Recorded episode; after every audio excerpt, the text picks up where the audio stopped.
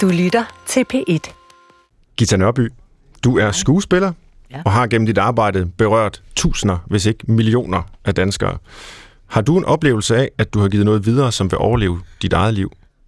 Altså, jeg øh, har jo lavet 159 film, og Ja. ja. noget af det skulle jo nok øh, blive der. Men jeg har aldrig spekuleret i den retning. Nej. Jeg spekulerer ikke på, om jeg skal huskes, eller hvad, det spekulerer jeg ikke på. Kan du, kan du pege på noget, som du tror vil få et langt Nej, liv? jeg, der er nogle film, som jeg synes, jeg har lavet, som er... Altså, det er jo kun film, der vil blive bevaret, for teateret ejer jo den kraft, at det er nuets, nuets oplevelse. Og nuet forsvinder, og derfor kan du beholde det, eller du kan slippe det. Ja. Og øh, hvis jeg skulle nævne en film, som jeg holder af, så er det Dansen med Regitze. Så er det Hamsun. Ja, Jeg er sikker på, at de film vil blive husket Bagnæssen fra meget længe. Bestemt.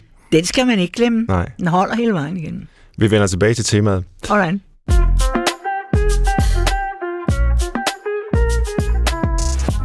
Jeg vil påstå, at vi er enormt mange borgere i Danmark, der har svært ved at finde ud af, hvordan livet skal leves. Hvorfor siger du borgere? Jamen, det står i mit manuskript. Skal vi... Der stod først danskere, og Hvorfor det her, står du ikke mennesker? Jeg. Mennesker? Ja. Ja, den tager vi i stedet for. Vi er enormt mange mennesker i Danmark, der har svært ved at finde ud af, hvordan livet skal leves. Jeg kunne komme med tal og statistik på stress, angst og depression, men jeg behøver nok ikke sige andet, end at livet er svært at leve nogle gange. Men frygt ej, kære lyttere. Jeg vil nemlig også påstå, at vi alle sammen kan tage den lidt mere med ro. Lad nogle ting ske af sig selv, og bruge noget af tiden på at dogne den lidt og sige pyt, når man ikke nåede dagens gøremål. Nu er det nemlig sommer. Mange holder ferie, og jeg har fået lov til at prædike lidt i den her sommerserie på P1. Jeg har besluttet mig for at invitere forskellige interessante personer ind til en sommersamtale, hvor jeg er nysgerrig efter at høre, hvordan de har håndteret deres liv. Hvilke ståsteder har de? Hvordan ser livet ud fra deres synsvinkel? Og hvad betyder rent faktisk noget for dem? I dag har jeg inviteret en gæst, der har levet et rigt liv, som stadig står ved sig selv, og bare lyden af din stemme vil få de fleste danskere til at lytte efter, for var det ikke Gita Nørby, der lige sagde noget, og det var det lige jo, det før var, jo, Gita det var Nørby. det. Jo, det var det. Vi skal tale om livet og døden, og jeg har sendt dig et old gammelt stykke litteratur om netop det, nedfældet af selveste Platon. Tak fordi du vil lege med og Ja. tale med mig. Gita Nørby, kongelig og prisvindende skuespiller, velkommen til. Tak skal du have, Svend Brinkmann. Tak. Og velkommen til alle lytterne i denne sommerudgave af Brinkmanns Brix. Ja, det var en lang smøre om det her radioprojekt, øh, som jeg forsøger mig med den her sommer. Men Gita Nørby, lad mig først høre, hvad du laver lige nu. Ja, nu har jeg jo haft 2021. min, min kvaler med at få den der Platon ind ad døren. Ja, Og, og jeg må nok have lov til at sige, at jeg er ganske enkelt ikke klog nok. Øhm, øh, det er en form for filosofi, øh, som ligger ganske over min fatteevne. Øh, Jeg forstår jo udmærket godt, altså, at man siger, nu, nu går jeg ud af den dør. ja. Men jeg kunne lige så godt gå ind ad den dør. Hvor er forskellen? Hvad er bevægelsesforskellen? Er den, er den for, forventningsfuld, når jeg går ud? Er den skuffet, når jeg går ind? Skal vi diskutere de forskellige retninger? Ja, det skal vi. Øh, hvordan? Nå. Øhm, jeg kørte lidt træt. Ja, det er jo svært. Det er også Men- 2.500 ja, det synes jeg, år det er. gammelt, ikke? Jo, men øh, noget af det er jo evigt. Altså, de tanker, Aristoteles og Platon, det er jo evige tanker, så mm. det er jo derfor, at øh, ikke mindst du beskæftiger dig med det. Mm. Og vi vil også andre mennesker i det små, måske ikke helt vidende, at det er det, vi beskæftiger os med. Men når vi så bliver gjort opmærksom på, at det kommer fra det, så, så kan man måske godt øh, resonere sig tilbage eller frem med det. Vi får lidt hjælp senere af en Platon-kender, som Ja. lige kan introducere lidt Spændende. til, hvad, hvad det her øh, handler om Det vil jeg meget gerne. hos Platon. Ja. Og, og inden da kunne jeg tænke mig, at vi talte om øh, dit liv Mm. og dine ståsteder og det, du øh, har bedrevet. Og du har jo fortalt historien mange gange, forestiller jeg mig, til biografier og ugeblade og alt derimellem. Men for nu at få det biografiske på plads, Gita Nørby, hvor er du så vokset op, og i hvilken slags familie? Jeg er vokset op i et musisk miljø. Ja.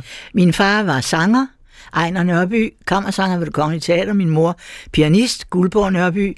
Mm, Så jeg er vokset, og jeg er født på Gamle Strand. Lille tur hen over øh, øh, Havnegade, og så har jeg vokset op i Nyhavn. Så jeg er fra det inderste ja, København, det må man sige. du kan tænke dig. Ja. Og øh, øh, derfor er jeg, fra jeg blev øh, født, omgivet af musik. Og man kan øh, sige meget, men jeg tror ikke, at et lille spædbarn kan få en bedre velkomst til verden, end at blive svøbt i musik. Nej.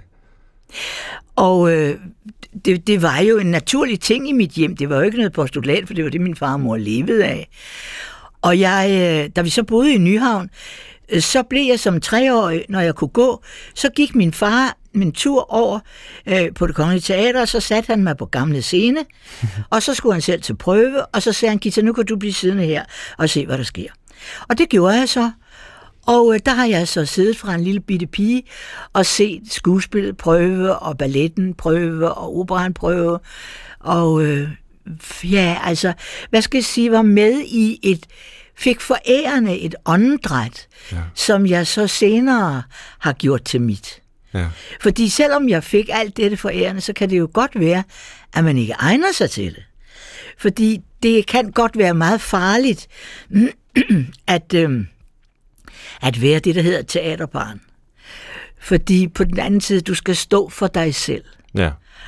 Og det kan jo ikke nytte noget, at min far var en glimrende sanger, og min mor var en god pianist, hvis jeg er et talentløst menneske. Så kan jeg jo ikke på booster. Nej. Og øh, det er så det springende punkt. Og det, det, jeg var et meget naivt og øh, fjået pige, som kun grinede og havde smilehuller, var utrolig køn og glad glad for livet. Og så på et tidspunkt sagde min far og mor til mig, at nu skulle jeg på Asgaard Højskole. Og jeg tænkte, det var det ondeste, nogen mennesker kunne sige til et andet menneske. Men der blev jeg til mig. Ja. Fordi jeg pludselig, jo fordi i København, der gik jeg jo også i skole, men der stod der altid på tavlen, øh, Gita er dum. Og det var den øh, tids pædagogik, og den, vi kan sige, den slog mig ud, men den... Det var da forfærdeligt. Ja, det, det er det jo. I dag er det jo katastrofalt. Ja. Men nu var jeg så idiotisk og overhovedet og to, totalt glad, så jeg tænkte, nå, nå det, var, det var der jo ikke noget godt ved. Men så kom jeg på Askov, ja. og der fik jeg at vide, for i Sønderjylland vidste de jo ikke, at jeg var dum i København. Så det var jo mægtigt. Ja. Og det var jeg jo ikke. Jeg var ikke spurgt om. Og jeg var der i, i øhm, Arnfreds sidste år. Jeg ved ikke, om du kan huske. Arnfred, han var... Ja, nej. Som var forstander? Ja. ja. Og øhm, jeg var simpelthen... Jeg blev simpelthen et menneske på Ejskov Højskole. Ja. Jeg fik evnen til at lytte. Jeg fik lov til at forstå, at hvis man var optaget i et eller andet, kunne man strege et ord under. Man kunne lave en tegn ude i siden, hvis der var et eller andet, man ville tænke over. Det var en stor, stor, stor, stor menneskelig oplevelse for mig. Jeg blev simpelthen vækket. Det var fantastisk. Ja. Jeg kender rigtig mange, der arbejder i højskoleverdenen, Ja. og de synes jo, at sådan en historie her er, Ja. er skøn. Og Jamen, det, er den jo og også. det er sandt, altså. Det er ja. ikke noget, jeg bare sidder og er venlig, for det er, er jeg ikke i vir- virkeligheden. Men, men, men jeg elsker højskole. Ja. Og det var ikke fordi, at I læste Platon, kan jeg næsten tænke Nej, mig det var det. på Asgaard der, så langt var vi ikke. Nej, hvad, hvad, hvad Men Vivel var lærer, Tage Hind var lærer, Ja. og så var der pludselig, og det vidste jeg faktisk ikke, da jeg tog det over, men der var en, en, en uh, retning, der hed drama, Mhm. mm-hmm. og den meldte jeg mig selvfølgelig straks til, og det fik jeg utrolig meget ud af. For Tage Hind var en mægtig god lærer, Ja. Og en meget charmerende mand, og en meget vidunderlig mand, og Tage Hind var jo heller ikke... Ja, og, og ja, de var spændende folk. Så det var drama, du mødte på Asgaard Ja, det mødte jeg der, plus så meget andet, hvad der var. Ja. Så jeg deltog i det hele. ja. Ja. Var, det, var det på højskolen, du fandt ud af, at du skulle gøre skuespillet til en det var levevej? det. Det havde jeg vidst hele tiden. Men jeg havde fået at vide, da jeg var lille, at hvis man sagde det, man drømte om, så gik det ikke i opfyldelse. Så hvis nogen spurgte, hvad jeg ville være, så sagde jeg, at jeg ville være kok, eller at jeg ville være dyrepasser i zoologisk ja. have. Og begge dele ville jeg faktisk gerne. Okay. Men øh, så øh, kom jeg altså ind på elevskolen Ja. på det kongelige teater dengang, ja. for 60 år siden. Så det var jo i det miljø, du var vokset op, Ja, ja. at du også endte med at studere, kan man ja. sige. Ja. Ja. Hvordan var det at, at så I- komme på den side? Jo, altså, men jeg havde jo været der, Ja. om jeg så må sige, hele tiden, da jeg var lille. Øh, så jeg var sådan set mere et irritationsmoment for de andre elever, der kom ind udefra. For jeg kendte, jeg vidste jo, hvor toiletterne var, og hvor scenen lå, og altså for mig var det jo mit andet hjem, kan man sige. Så jeg kendte det jo ud og ind. Ja. Men det gjorde de andre jo ikke, så det var lidt irriterende af sådan en, som vidste det. Meget irriterende, tror jeg. Og nu fortæller du om dig selv som en meget glad pige, Ja. øh, som Ja. ikke var til at slå ud, og det er jo en Nej. god egenskab at have. Ja, Og øh, nu temaet i dag jo blandt andet døden i vores ja. Ja. samtale, som vi skal øh, nærme os om lidt. Ikke døden, Jo, jo, men, men jo. temaet. Og øh, jeg har altid tænkt over døden. Altså, da jeg var en lille dreng, var det noget, der fyldte mine tanker. Ikke fordi jeg gik og var trist og deprimeret hele tiden, men fordi at det var bare et af de store spørgsmål, jeg var interesseret Ej, i, og aldrig har begavet har jeg sluppet. aldrig været. Men, men jamen, jeg ved, tror ikke, der er noget som helst med begævelse at gøre, men, øh, men, Ah. men, men du har ikke tænkt på døden som barn, Nej. for eksempel? Nej, Nej. Nej, det kan jeg ikke sige, det har jeg ikke. For der er nogle mennesker, de kan huske første gang, at det gik op for dem, at Gud, vi skal dø. Ja, nej, det kan jeg faktisk. Sådan en erfaring har du ikke? Nej, det har jeg ikke. Jeg har beskæftiget mig med døden fantastisk meget, øh, fordi mange af Shakespeare, Strindberg og hvad du vil, Ja. store forfattere handler om døden. Øh, så derfor har jeg selvfølgelig spekuleret på det og arbejdet med det. Men, men jeg har ikke rigtig tænkt over min egen død før nu. Før nu? Ja, Ja. Altså, mener du lige nu? Eller i, i ja de altså for senere et par år? dage siden. Er det rigtigt? Ja. Og det er så Nej, min ikke for et par dage siden, men, men altså for, for, for et stykke Ja. tid siden. Jeg mener, jeg selv er nu er i en mærkelig fase. Øh, jeg er blevet så så gammel, 86 år gammel, og øh, det er en, en, en øh, altså den menneskelige hjerne, skal, skal jeg måske ikke fortælle dig om, men Jo, jo. så vidt jeg ved, er den ikke, kan den ikke forestille sig alder. Nej. Når du er ung, kan du ikke for, den hjernen kan ikke forestille sig otte-tallet. Du kan først forstå det, eller være der, når du er der. Og øh, derfor mener jeg, at den fase, jeg er i, er den, der nærmer sig døden i allerhøjeste grad. Og det spekulerer jeg over. Mm-hmm. Det optager mig meget endda. Hvad, hvilke tanker har du om Ja, det? jeg har tanker om det på, øh, på ikke på særlig øh, bestemte måder, eller på afgjorte måder, men det eksisterer som en, en bevidsthed, en stemning, en, øh, øh, en realitet. Øh, så spørger man sig selv, hvordan? Det kan man jo ikke få svar på. Mm. Så kan man spørge sig selv, hvad ønsker du? Jeg ønsker mig at dø af grin. det er nok et, altså det er nok at spænde på hun for vidt, så heldig bliver jeg nok ikke. Men øh, ja, sådan nogle tanker går jeg rundt med. Ja. Er det angstfyldt at tænke Nej, på døden? øh, det er mere, altså det jeg er, det er, jeg er alene. Og øh, det beskæftiger mig så meget, fordi det, der beskæftiger mig, er det, der hedder aleneheden. Ja. Jeg savner egentlig ikke nogen. Jeg har så mange, jeg er forkælet med venner. Unge og gamle venner. Og jeg har et meget dejligt liv. Jeg går stadigvæk ud og optræder. Jeg, så længe, altså coronaen har selvfølgelig sat stopper for os alle sammen. Mm-hmm. Men ellers så øh, er jeg ude og optræde og så videre. Filmer og hvordan og hvorledes. Men øh, det at være, at have det, der hedder alenehed i sig, og være det. Du kan have det noget så herligt her, og hyggeligt her på radioen, så jeg, kører jeg hjem, så lukker jeg døren op, så er jeg alene. Mm. Og den bevidsthed, eller den fornemmelse, er ganske speciel. Du kalder det alenehed og ikke ja. Ensomhed. Nej, det er det ikke. Hvad er For jeg er ikke ensom. Nej. Jeg kan jo tage telefonen og ringe til nogle af mine venner. Jeg har den mest vidunderlige genbog i livet. Jeg har masser af muligheder. Virkelig. Ja. Og jeg kan lide at læse bøger, og jeg har en have, som jeg kan gå ud i. Og, ja, altså, jeg, jeg er så forkælet, og så forvent, og så lykkelig. ja. Men jeg ejer det, der hedder alenehed, og det er en smerte. ja. Har, det, har du altid haft den? Nej, for jeg har jo ikke altid været alene. Nej, Nå, så det er simpelthen helt konkret. Ja, det er det i og for sig. Er Men det er alene. ikke, fordi jeg ønsker nogen. Nej. Jeg, jeg savner heller ikke nogen. Det er Men der er det. jo nogen, der føler sig alene, også når de er sammen med andre mennesker. Ja, det gør man i allerhøjeste grad. Ja. Bevar mig vel, det har jeg gjort hele livet igennem. Ja. Og, og omvendt sikkert også. Jo, jo. Altså, det er jo noget, man er to om. Ja. Men, øh, øh, men, men det, at, øh, Jeg har for eksempel været i Afrika nogle gange og tracket efter bjerggorillaer, og det er jo en fantastisk oplevelse. Og så kommer jeg hjem, og så lukker jeg døren, og så er der ingen, der fortæller det om. Mm.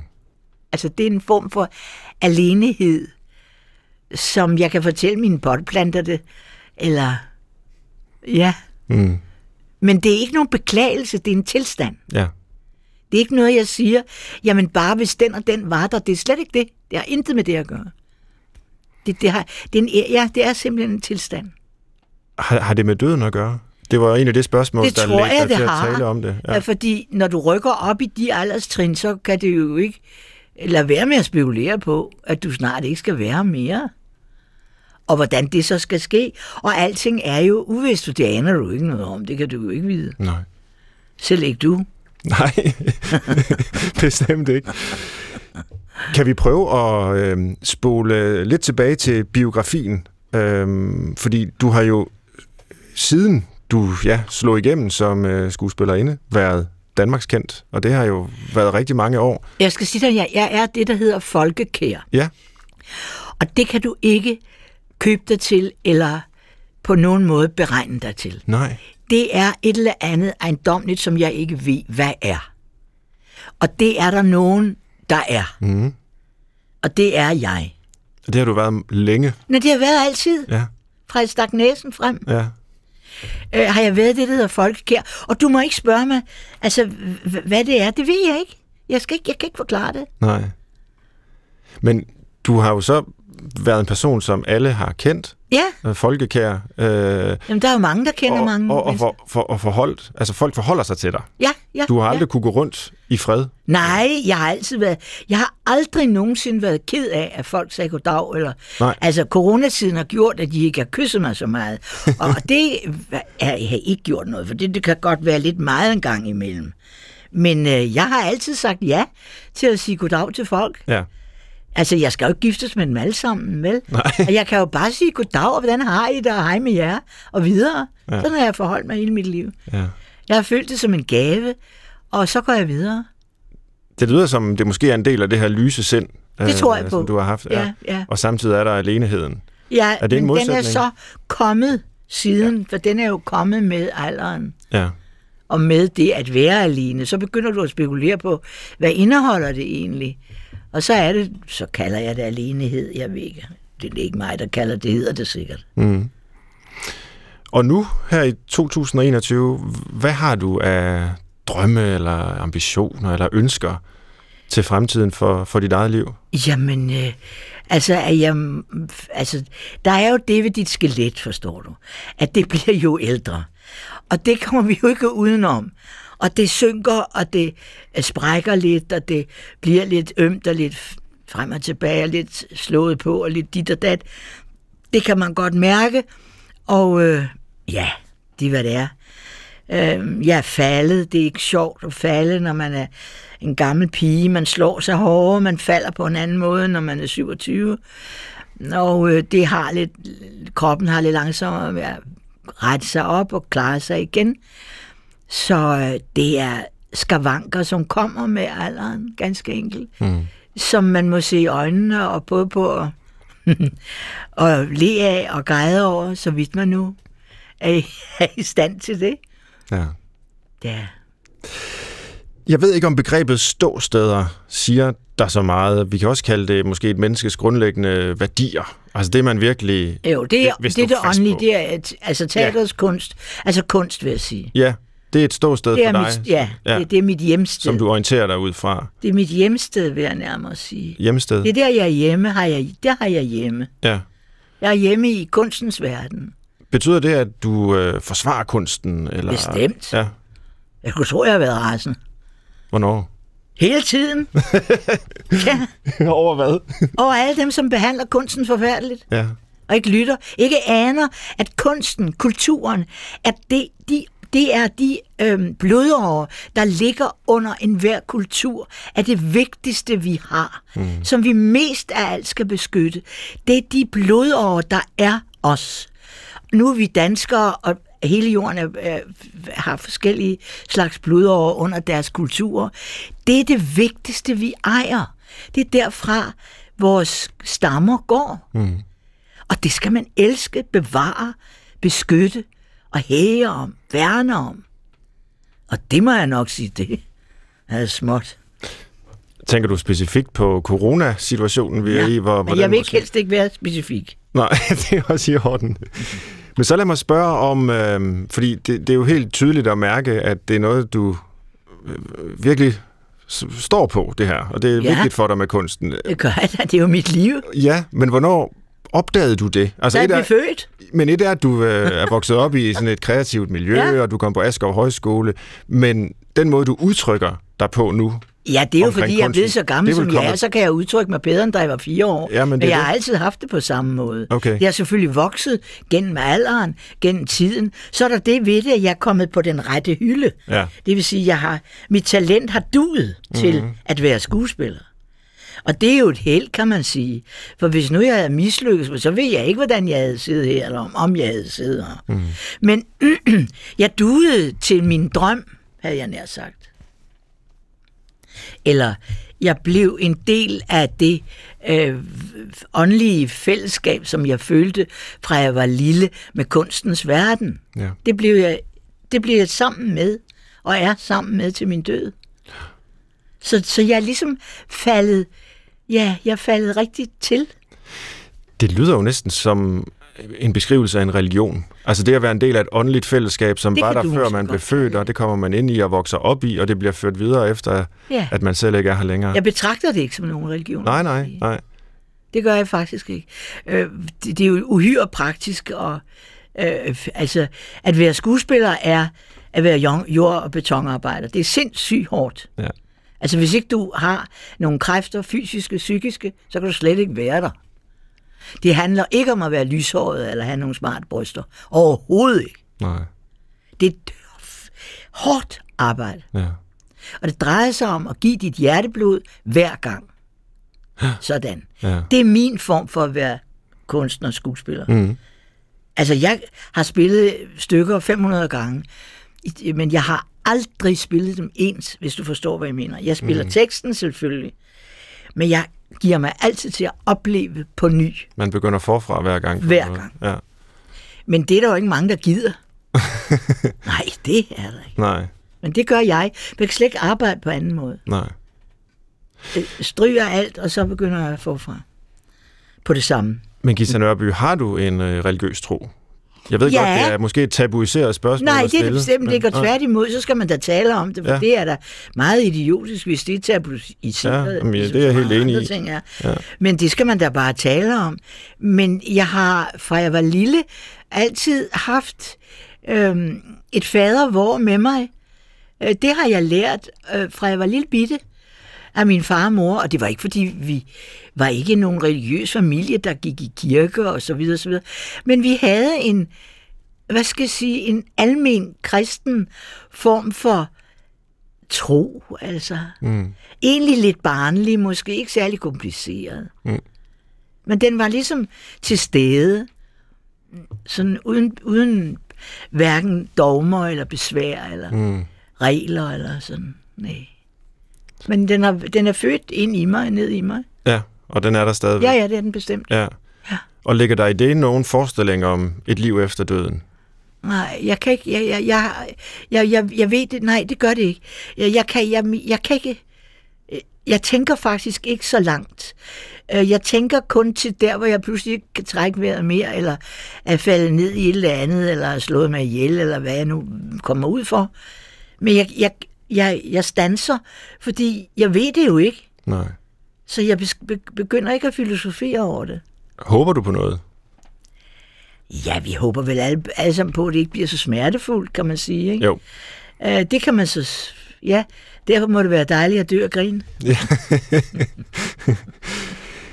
Hvad så med, fordi nu er det jo sådan en øh, eksistentiel samtale, øh, hvor vi tager udgangspunkt i selveste Platon, det skal vi lige om lidt, men politisk, øh, ideologisk, har du øh, tænkt i sådan nogle baner, når du skulle leve dit liv og finde ud af, skal jeg gå til højre eller venstre, eller hvordan skal jeg være som menneske?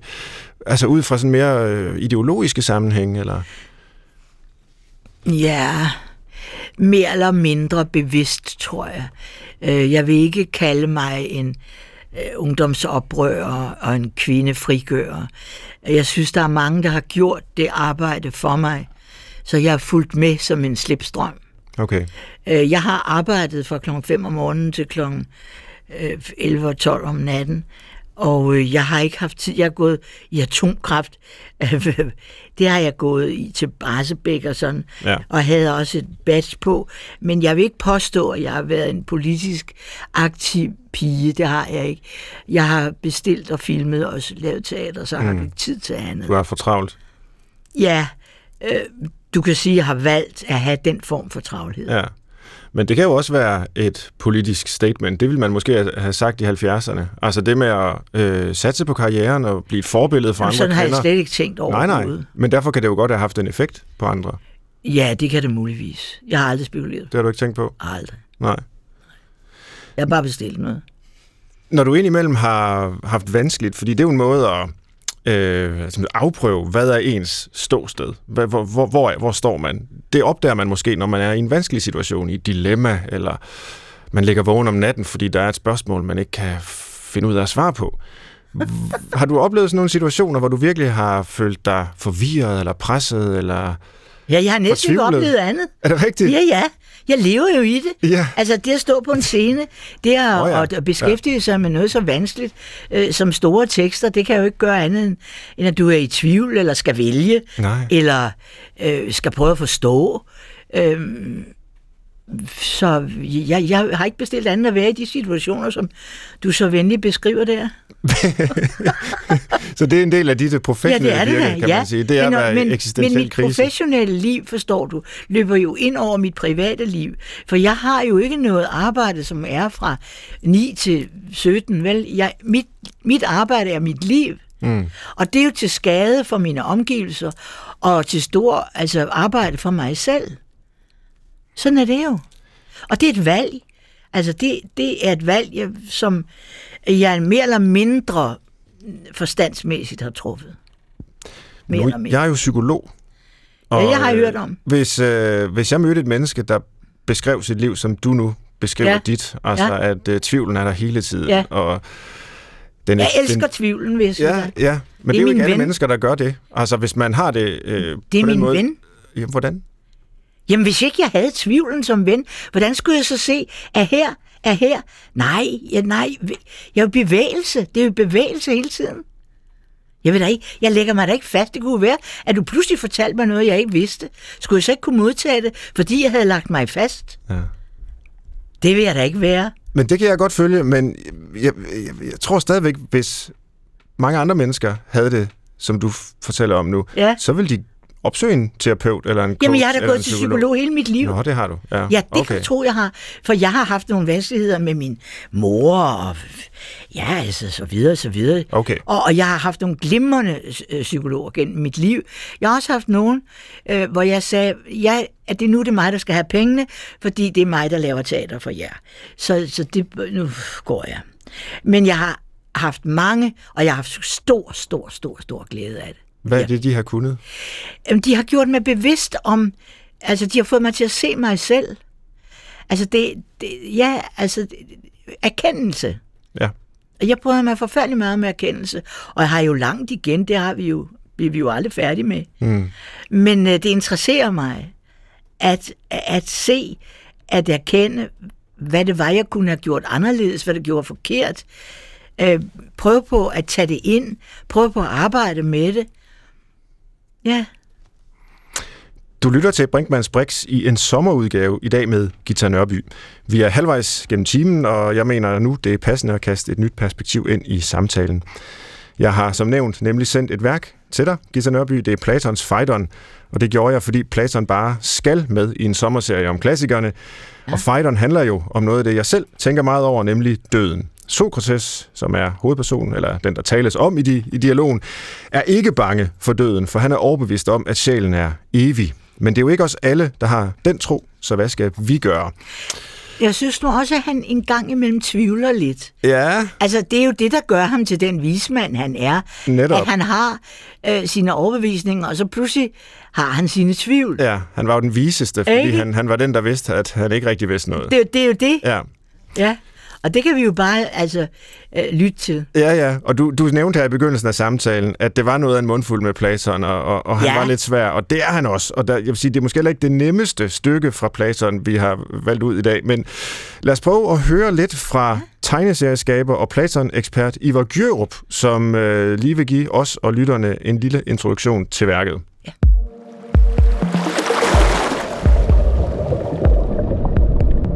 Livet her på jorden er som at leve på havets bund. Se op imod havets overflade, og den vil selvfølgelig både i Grækenland og i Danmark på en sommerdag være lysende, glitrende set dernede fra. Og den opfatter vi som himlen. Men så er det jo klart, at når vi dør, og det er det billede går ud på, så stiger vi op over havoverfladen. Det kan vi godt forestille os. Nu skal vi også forestille os, at vi stiger op over himlen som en livsoverflade. Og der kommer vi til et liv, hvor vi fatter alting med meget stor klarhed. Vi finder Sokrates dødsdømt i en fængselscelle i Athen i 399 før Kristus, og på grund af nogle religiøse fester var der en forsinkelse, så han sad der spærret inde i en måneds tid og ventede på at øh, blive henrettet ved at indtage gift skarntydesaft. En gift, som ved en særlig blanding tillader en meget rolig, stille død fra tæerne op gennem benene, op forbi hjertet og til hovedet, så er man død. Og i den måned får han besøg af venner i en beklumret fængselscelle, tør vi nok antage, hvor han sidder med lænker om benet, og øh, en af vennerne, Fejderen, er den, som et par måneder senere fortæller, hvad der skete den sidste dag. Og så går de i gang med drøftelsen, den drøftelse, som er vigtig for de efterlevende. Er der et liv efter døden? Men hvad vil det sige at være væk? At du og jeg er væk? Det er så den overvejelse, som går igennem dialogen fighteren, og som topper midtvejs, hvor de faktisk har opgivet argumenterne for sjælens udødelighed. Det kunne jo være, at sjælen var en omstændighed ved kroppen. Ligesom musikken er en omstændighed ved gitaren, vil vi sige, altså lyren var deres strenge instrument. Og når lyren går i stykker, så går musikken også i stykker. Hvis når kroppen går i stykker, går sjælen i stykker, før eller siden. Og så kom der en stor tristhed over os alle, beretter fighteren. Og så fortæller fighteren meget gribende, så øh, glattede han mit hår. Han lod sin hånd glide over mit hår, for jeg, fejderen, sad ved hans fødder. Og så spurgte Sokrates, nå, fejderen, skal dette hår skæres af i morgen? Afskåret hår var sovens tegn i Athen. Og det siger fighteren, ja, det skal det jo, for det er en stor sorg venter. Men det skal af endnu i dag, hvis ikke vi kan redde sproget. Så har vi to muligheder for at dø. Vi kan dø selv, og sproget kan dø med os.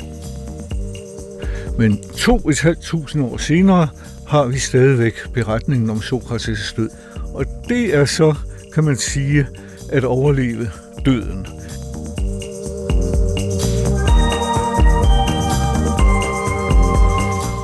Det er spændende. Ja, og han er god til at Spændende at fortælle, uh, Ivar Gjørup. Virkelig. Ja, Levende. Meget. Meget spændende at høre. Ja, det, Og det er, øh, altså jeg, jeg er vild både med Ivar Gjørup, men også med Platon, fordi ja, det, det er er jo på en måde, som øh, Gjørup også er inde på, fundamentet, ikke bare for filosofien, men for rigtig meget af den øh, verden, vi har i dag. Og øh, da du beskrev, øh, hvordan det var at leve med kunsten, og have den som ståsted, og ligesom Ja, ja. øh, leve sit liv ind Ja, i en, ja. en fortælling, der rækker så langt tilbage, Ja. så er det jo sådan set lige præcis det, Ja, som Gjørup ser som Platons gave til os. ja. At vi kan forstå vores liv på den måde. Ikke? Og, og, og, og Platon har påvirket os Ja. for 2.500 år siden på en måde, og nu sidder vi og taler om ham i dag. Altså, Jamen, hvis ikke, det er det er måske det tætteste, vi kan komme på, ja. på evigt liv. Og så er det oven i købet jo, øhm, og det tænkte jeg også på, da vi valgte øh, Platon til dig, Gita Ja. Nørby, at det er jo skrevet som en dialog. Ja, det er Det godt nok ikke nemt at læse, men, øh, Nå, jo, men, det er jo, jo, sådan en form jo, for drama. jo. Man kan jo Ja. opføre det på teateret, hvis man vil. Ja, det vil du kunne, ja. Ja. Ja. Og det gør man jo med nogle af Platons dialoger. Ja. For eksempel Symposion er, Ja. er opført Ja. ja. en gang imellem. Det er så en af de mere sådan lystige dialoger, Ja. der handler om kærlighed. Og her handler det om, øh, om døden og den evige sjæl. Ja, Og der er også noget fascinerende, hvis jeg må følge lidt op på, hvad Ivar Gørup fortæller. For mig er der noget fascinerende i, at filosofien begynder med et dødsfald. Altså filosofiens historie i Europa ja, begynder med, at Sokrates dør. ja. Og, og han siger jo selv i, øh, i fighteren her, Sokrates, at filosofi er grundlæggende en forberedelse til at dø. Og ja, en men meget- man siger jo også, at livet er en for, forudsættelse for døden. Ikke? Ja, altså, det jo, er jo. Altså, det, det vi arbejder os frem imod, kan Ja. man sige, på en mærkelig måde. Netop. Ikke? Og, og, og så er filosofien den hvad man sige, bevidste træning i at forholde sig til de spørgsmål. Ja. Og det øh, gør vi måske ikke ret meget Nej. i dag. Altså, nu nævnte du selv det første for, for ja, nogle dage siden, som du sagde, at, øh, at døden har spillet en rolle i, i dine tanker. Ja, men, men, øh, men det er mere på en praktisk, øh, virkelig måde. Ja. Øh, fordi jeg vil nok sige, at jeg tror egentlig, at vi alle sammen, om vi ved det eller ej, har slutningen med fra begyndelsen. Det, jeg, det tror jeg egentlig, vi alle sammen har. Hvad, hvad ligger i det? Ja, altså med livet har du hele tiden slutningen med. Altså, hvad skal jeg sige, en forestilling starter, så slutter den. Ja. Det ved vi som skuespillere. Ikke? Ja. Men vi ved også, at tilværelsen starter, og så slutter den. Ja. Det ved vi. Så er der et langt stykke af livet, hvor du måske tror, du ikke behøver at tænke så meget over det, eller beskæftige dig så meget med det. Eller. Men det ligger jo, tror jeg, et eller andet sted inde i mennesket.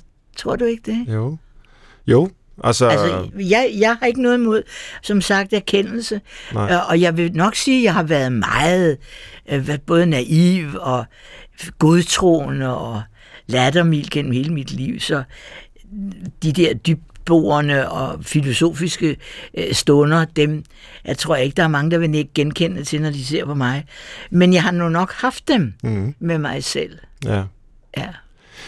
Noget af det, vi også har fra Platon, det er jo, og det kommer måske til udtryk i, den, i det billede, Ivar Gørup øh, maler op for os, altså Ja. det her med at ligge på havbunden, Ja, ja, det og er så meget kigge smukt. op, Ja, og der er faktisk en mere virkelig ja, virkelighed ja. på den anden side. Ja, men det, af det er overfladen. meget, jeg ved ikke, har du, har du også snorklet eller dykket? Ja, det har jeg nemlig. Ja, det har jeg også. Med så derfor ser du ja. det jo så tydeligt Netop. for dig, Ja. billedet, ikke? Men der kan man jo sige, der er det jo også virkelig nede i vandet. Det er det, Øh, ja. men, men hos Platon er der jo den her forestilling om, at der bag den verden, vi erfarer, ja. Ja. hvor vi lige nu sidder og taler med hinanden, Ja. og vi sidder ved et bord, og vi Ja, drikker ja, ja. vand, og alt det der, der er en mere virkelig virkelighed. Ja, Og den øh, kommer vi fra.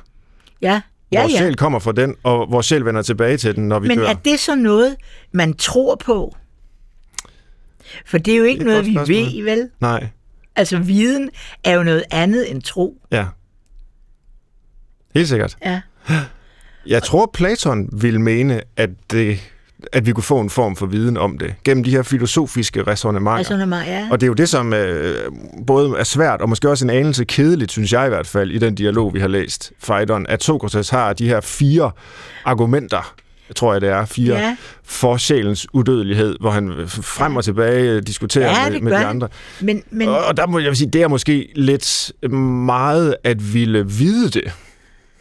Men jeg, det slår mig hele tiden, at selvom at det er Sokrates, der skriver og taler, øh, altså, kommer vi, skal vi som menneskedyr nogensinde have den viden? Hmm. Altså, skal vi have det?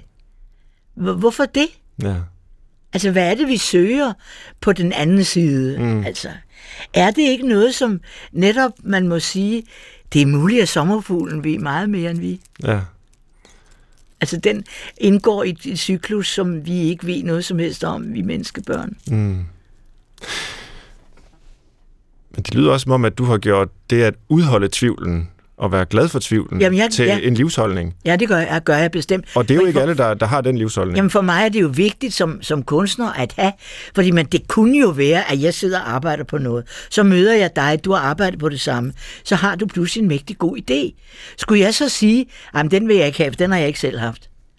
Så vil jeg jo netop sige, det har jeg slet ikke tænkt på. Hvor var det dog en god idé, det vil jeg da prøve. Mm.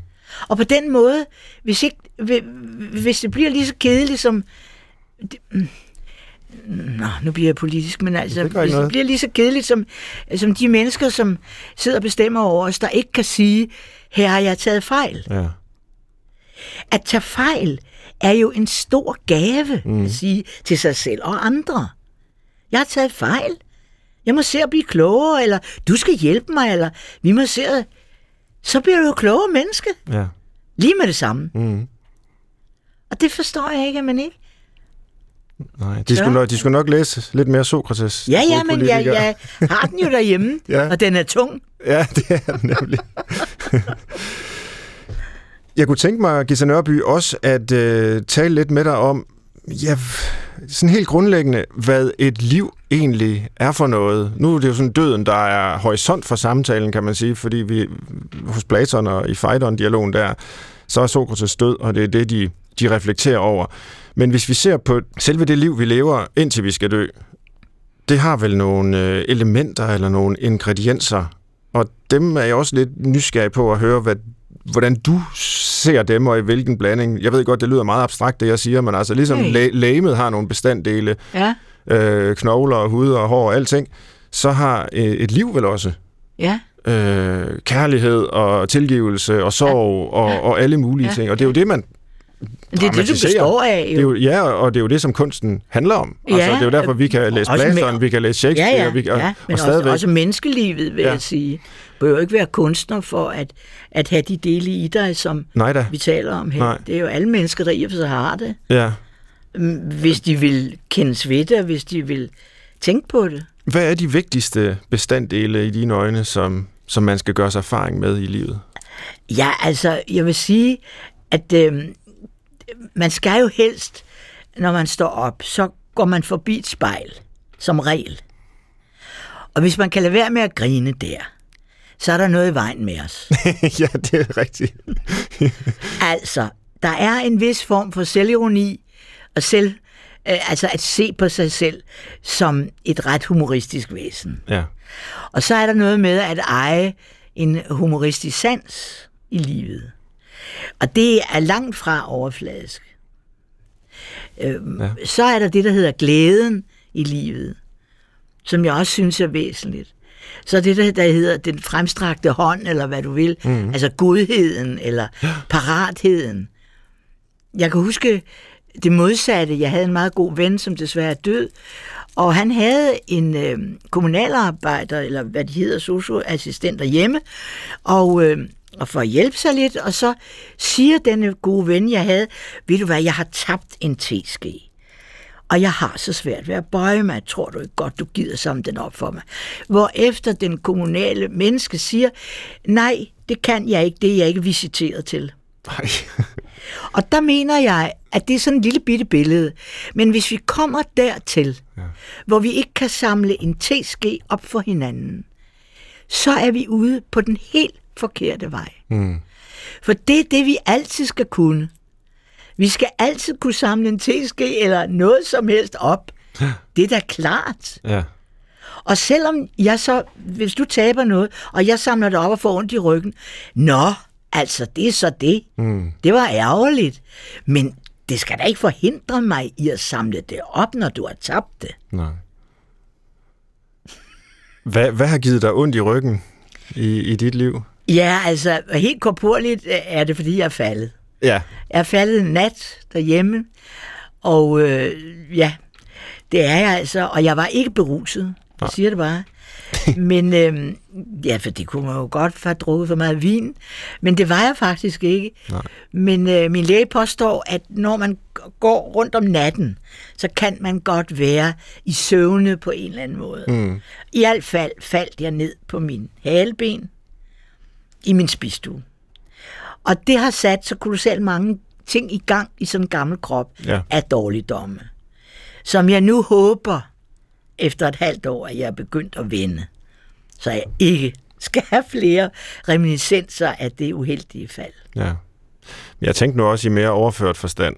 Det med ja. at samle teskære op for andre, øh, kan det en gang imellem give ondt i, i ryggen på anden vis også? Ja, jeg kan jo godt lide at samle ting op. Ja, det er også det, jeg fornemmer. Ja, det kan jeg godt. Jeg kan godt lide at hjælpe. Øh, Det kan være meget, meget sværere at blive hjulpet. Men at hjælpe andre, øh, det, det, det synes jeg er... Det har jeg ingen vanskeligheder ved. Øh, Jeg kan godt tage mig selv i, når jeg har været i sådan en korporlig situation, at jeg kan have vanskeligt ved at tage imod hjælp. Okay. Men det kan man jo så måske igen lære, Ja. at det er der ikke noget i vejen med. Hvorfor tror du, du er blevet, som du er? Ja, det må du sgu nok spørge om. Vi begyndte jo med din øh, barndom øh, i Nyhavn, Ja. og på teatret og på højskolen og alt det, men at, ser du dit liv som resultatet af en masse valg og beslutninger, du har Nej, truffet? overhovedet ikke. Det har jeg slet ikke. Er det tilfældigheder og skæbne? Nej, det eller? er, ja, det er udviklinger, vil jeg kalde det. Og så er jeg blevet at være heldig at møde mennesker, som det, der hedder, have set en. Mm. For hvis du går gennem livet og har nogle evner og dit og dat, og det går mægtigt godt eller kedeligt, eller hvordan det nu er. Men hvis du pludselig er så heldig, at du bliver set af nogen, altså folk bliver pludselig, en eller anden bliver opmærksom på dig, Ja. så vil det sige, at du kan begynde at arbejde med dig selv og den anden. Og det, er, det held har jeg været ude for som ganske ung skuespiller, hvor jeg pludselig mødte et menneske, som hed Erling Skrøder, som var en gammel, eller ja, han er død nu, men han var instruktør, og ikke nogen, han var også skuespiller. Men han så på mig, og så sagde han, ej, tror du ikke, der er mere end sådan en lille smilehul og en grin der? Altså, skal der ikke, er der ikke lidt mere? Og så begyndte vi at arbejde sammen, Mm-hmm. prøve sammen. Og det var en meget hård skole. Og jeg nød det. Ja. Elsker det. Jeg er opdraget i kritik, og jeg elsker kritik. Så han så mere i dig, end, Jeg end du anede selv det måske ikke. havde set, og, Jeg anede det overhovedet ikke. og end dine forældre kunne se. Nej, de kunne ikke. De kunne heller ikke. ind. Nej. Det var derfor, de sendte dig til Haskov Højskole. Ja, det var. nej, nej, det var en stor oplevelse. Og det vigtigste, han lærte mig, og det bruger jeg faktisk den dag i dag, selv når jeg kommer ind i studiet her, det er det ord tænk. Ja. Hvis der kommer en mand eller en dame, et menneske ud af den der dør, eller ind af den dør, som ikke tænker, så kan du se det. Mm. Hvis der kommer et menneske ind af den dør, som tænker bare en lille bit tanke, så er vedkommende synlig. Du kan se det lige med det samme. Mm-hmm. Og det lærte jeg for mange, mange, mange år siden, i starten af min karriere. Det er sjovt, du Tænk. siger tænk, og fordi mange vil jo tale om nærvær på en anden måde, altså opmærksomhed, tænk. eller empati, eller øh, følelser, eller hvad ved jeg, men du siger tænk. Tænk. Ja. Fordi tænk er et stort begreb. Øh, Det er både dig, det er dig, det er tingen, det er stedet, det er... Og så er der en anden ting, det er, at øh, jeg har også lært, at øh, hvis du skal høre dine egne fejl, så skal du tale dem højt. Så hører du nemlig fejlen deroppe. Så kan du rette den. Mm-hmm. Men hvis du sidder sådan og småmumler dine fejl for dig selv, så kan du meget hurtigt overse den. Mm. Og så er de glemt. Så man skal udtale fejlene, men er det, Udtal fejlene. Altså for eksempel, når jeg arbejder med replikker eller dialog eller hvad du vil. Altså, tal højt, selvom det er forkert. ja, For så kan du høre det forkerte. ja. Men hvis du snyder og- siger, altså, det ved jeg ikke rigtigt, så måske, mm," så kan du ikke høre det. Nej. Og Så det, snyder du alle. det lyder jo som om, det er eksistentielt, og ikke kun på Det er det jo. Ja, Men det, det er vel et, jeg ved det ikke, mennesker siger, måske det er en form for mod, Mm. jeg har. Det kan man måske godt kalde det. ja. Og mit spørgsmål var jo så, hvor kommer det fra? Hvordan er du blevet den, jeg du ved er? det ikke. Uh, må, måske det er en, en kombination af forfædre. Tror du ikke det? Jo, det, kan- det kan man godt sige. Ja. Ja. Ja. Tror du ikke, det er sådan noget? Mm. Jeg begyndte også med at spørge dig, hvad du gerne ville give videre, eller hvad du forestillede dig kunne, kunne leve mange år endnu af dine, øh, af dine værker, dine præstationer, din film øh, osv. Altså det, du tænker på eftermæle. Ja, det er vel det, man kalder Ved det. du hvad? Jeg må indrømme, at jeg tænker altså ikke så forfærdeligt meget på det. Øh, På en eller anden måde synes jeg, at det er lidt komisk. Jeg synes næsten måske, at enten bliver vi glemt, eller også... Men er det rigtigt? Fordi altså, nu- er det ikke det, folk altid siger, når man spørger Jamen det ved jeg ikke. Jeg er ikke folk, så. For, nej, nej, nej, men ja, de siger nemlig, at det tænker jeg ikke på, men er det ikke fordi, at det er sådan en form for falsk beskedenhed? Det kan godt være. Eller, altså, Det kan godt være, men... Nu, men øh, nu har vi talt lidt om, om Platon. De gamle grækere var jo altså, besat af tanken om, hvordan de ville blive husket. Jamen, det er jeg slet For dem var det jo helt afgørende. Nej, det, jeg tænker aldrig på det. Nej. Aldrig. Jeg tænker mere, det er sjovt at sidde her og kan vide, hvad der sker i eftermiddag. Altså. Men hvis du nu så tænker over det i dag, ja. Dit eftermæle, hvordan kunne du så tænke dig, det skulle være? jamen jeg er for uforberedt. Du tør ikke at sige det. Jo, jeg tør godt, Ja. ja. men jeg ville ikke, ikke vide, hvordan jeg skulle formulere det. Nej, Det ville jeg ikke, virkelig ikke. nej.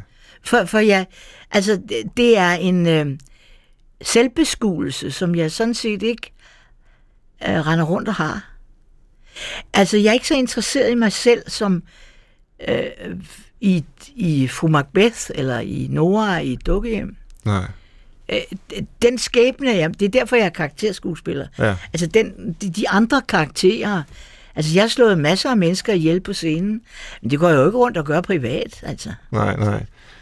Vel? Og dog nævnte Ja. du, Gita Nørby, at øh, du har gået til psykolog Ja, ja. og Ja, ja. er interesseret i erkendelse. Ja, det er jeg. Og det er vel selverkendelse, man, ja. man øh, stræber efter hos ja. en psykolog. Ja, det er det. Så på en eller anden måde øh, Ja. er du vel interesseret i dig selv? Altså, ja, det er vi jo alle led. sammen. Ja. ja, det er jeg. Ja. Øh, og også hvis der er noget, jeg ikke kan finde ud af. Altså, jeg kan køre i ring, som alle mennesker kan. Og, og jeg har haft mange ægteskaber og kærlighedsforhold og øh, venskaber, og, som jeg ikke har kunnet begribe. Og det vil jeg gerne, hvis en psykolog kan hjælpe mig med det. ja, Meget gerne. okay. Er det så, fordi det er noget, der handler om andre mennesker og dit forhold til Nej, dem? det og handler jo om mig selv. Ja, det gør det jo Og, også. og ja. bestemt. Mm. I relation til ja, netop. de andre mennesker. Ja. Det sidste punkt, jeg har på min øh, liste her, det er, øh, er, er faktisk en liste. Vi slutter jo gerne programmet med øh, tre gode råd. Samtidig er det tre dårlige råd. Det ved jeg, du ikke er meget for. Gita Nørby. Det nævnte Nej, du det før, jeg ikke lide. at øh, som lytter af programmet, det er vi meget Ja. glade for, du er, Ja, det er så bryder du dig ikke om, at vi øh, Ikke det der negative er udgang. negative til sidst. Nej. Så det vil vi ikke være i dag. Nej, det er. Der vil vi, der vil vi prøve at være opbyggelige. Ja. Og øh, det er du ikke forberedt på, det her. Nej, Men hvis jeg har jeg ikke nu... været forberedt på noget som helst. Nej, men modig er du, at du stiller op til det. Jo, jo. Tre gode råd til at få et liv som dig. Hvis du skulle sende sådan nogle råd ud i æderen til alle vores lyttere, hvad kunne det så være for nogle? Jeg er slet ikke sikker på, at jeg ville ønske, at nogen som helst skal have et liv som mig. Ah, det kan du da ikke mene. Jo, Hvorfor? fordi du kender mig, og vi sidder her foran to mikrofoner i et studie, Ja, og øh, du aner ikke, hvem du taler med. nej. For du kender ikke mig som menneske.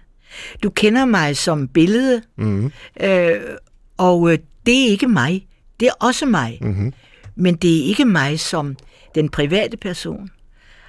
Og øh, jeg har ikke noget at sige som, hvad var dit spørgsmål hed, at jeg skulle give et råd videre Så man til at blive sådan en som mig. Et liv som dit. Så vil jeg bare i hvert fald sige en ting, så er det flid. Flid? Ja. Det er ikke andet. Hårdt arbejde. Mhm. Tænk dig om. ja.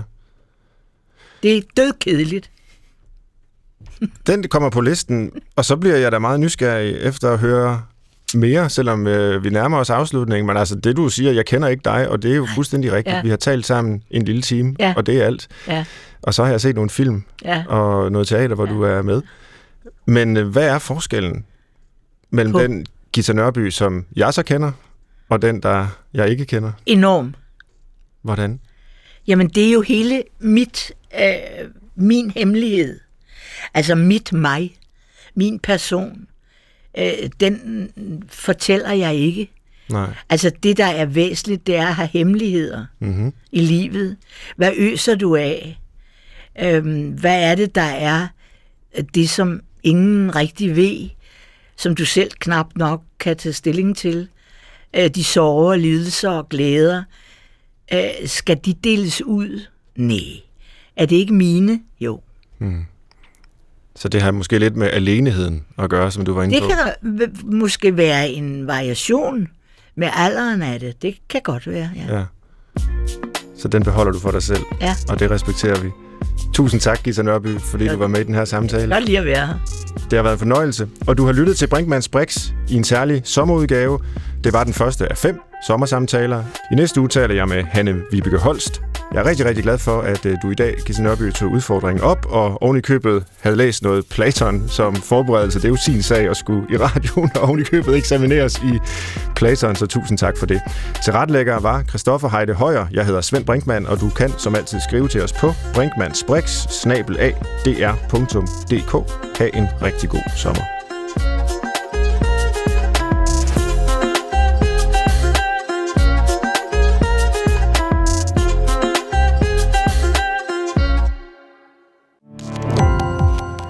Gå på opdagelse i alle DR's podcast og radioprogrammer. I appen DR Lyd.